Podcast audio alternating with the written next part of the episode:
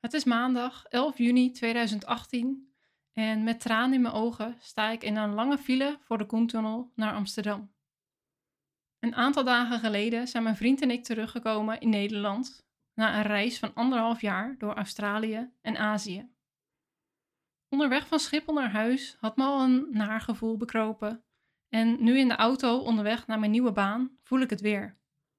Het voelt benauwend. De vrijheid die ik ervaarde tijdens het reizen is weg. En alles waar ik daar zo van genoot, is ook weg. Het we kijken wel waar we zin in hebben vandaag, dat kan niet meer. Het voelt alsof hier de grens is getrokken tussen mijn leven op reis en de rest van mijn leven. Ik woon weer bij mijn ouders. Ik rij in hun auto naar mijn werk, want in Nederland heb ik geen eigen auto. Vrienden van voor deze reis zijn inmiddels geen vrienden meer. Sommigen wel, maar voor velen duurde het te lang en hadden we te lang geen contact meer. Het voelt alsof ik alles opnieuw moet opbouwen. En natuurlijk is het fijn om weer bij vrienden en familie in de buurt te zijn, maar ik vind het ook moeilijk dat niemand echt lijkt te begrijpen dat ik heimwee heb naar het reizen. En op de vraag hoe was het, kan ik geen antwoord geven. Daar is het te groot voor en ik heb geen idee waar ik moet beginnen. Ik krijg ook veel goed bedoelde opmerkingen als, nou, dit is toch ook fijn, een beetje vastigheid en zekerheid.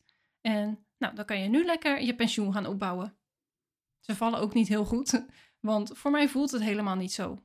Ik wil weer weg. Ik wil weer reizen en ik ben pas net terug. Iedereen hier is doorgegaan met het normale leven. Velen doen nog hetzelfde als voorheen en het voelt net alsof we nooit zijn weg geweest. En tegelijkertijd weet ik niet hoe ik mijn leven hier weer kan opbouwen.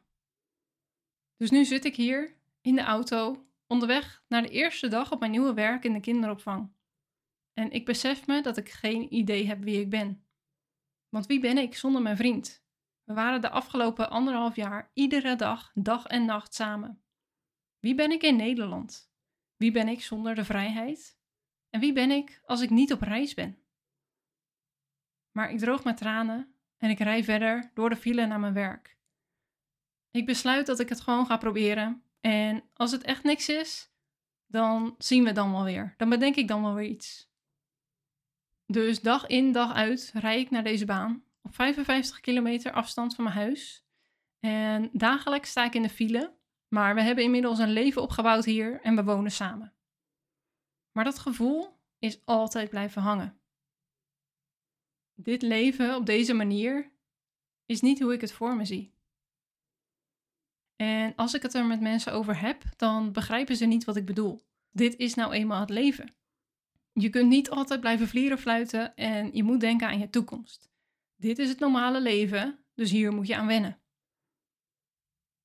Inmiddels is het 2020 en werk ik al ruim twee jaar bij deze werkgever.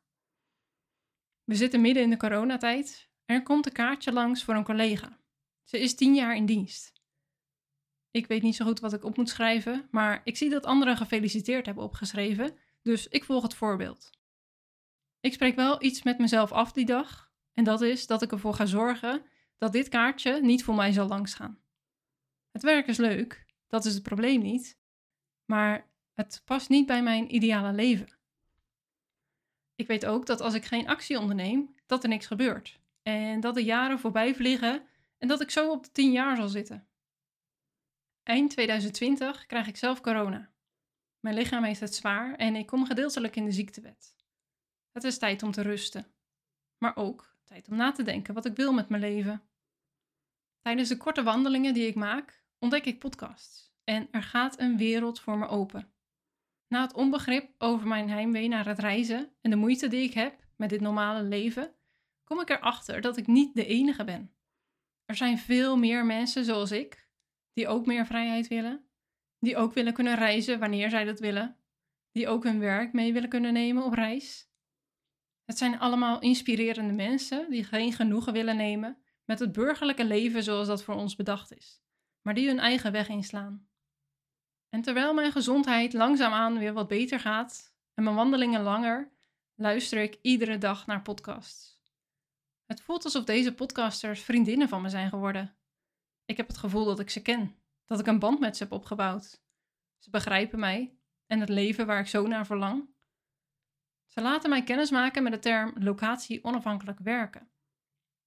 Ik heb hier nog nooit van gehoord, maar ik weet dat dit is wat ik wil. De podcasts helpen mij en begeleiden mij naar een locatie onafhankelijk leven, een vrijer bestaan en een bestaan als online ondernemer.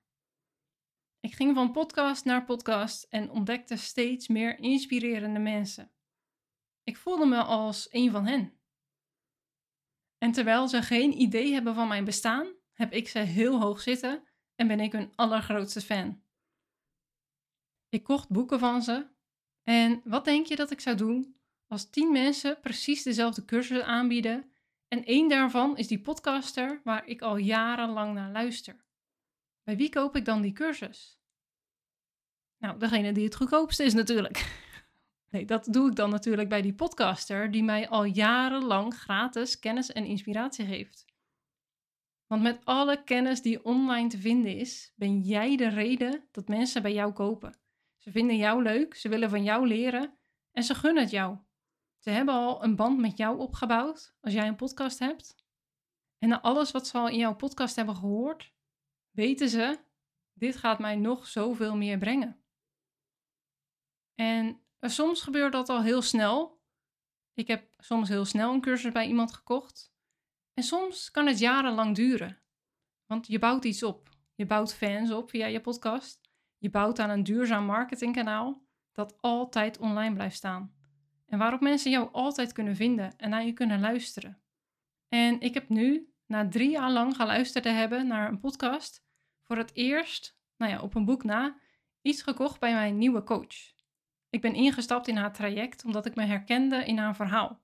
Ik vertrouwde haar en ik had al een band met haar opgebouwd. Eenzijdig dan. maar het voelde voor mij wel als een band die ik al met haar had. En dat is wat een podcast kan doen. Ik leef nu mijn droomleven met dank aan de podcast. En dat is ook de reden dat ik jou als vrouwelijke ondernemer wil helpen bij het laten groeien van je podcast. Zodat jij meer luisteraars krijgt en meer mensen kunt inspireren. En vervolgens kun je ze nog verder helpen met jouw aanbod. Ik gun het jou en jouw luisteraar of je nieuwe luisteraar. En dat is waar ik elke dag mee bezig wil zijn en elke dag weer plezier aan beleef. Want ik weet dat we op die manier samen de wereld weer een stukje mooier maken. Nou, als jij deze aflevering leuk vond, zou je hem dan voor mij willen delen in je stories? Of wil je een beoordeling achterlaten via de app waar je luistert? Want dat helpt mij weer om zichtbaarder te zijn. Dankjewel voor het luisteren en tot de volgende keer.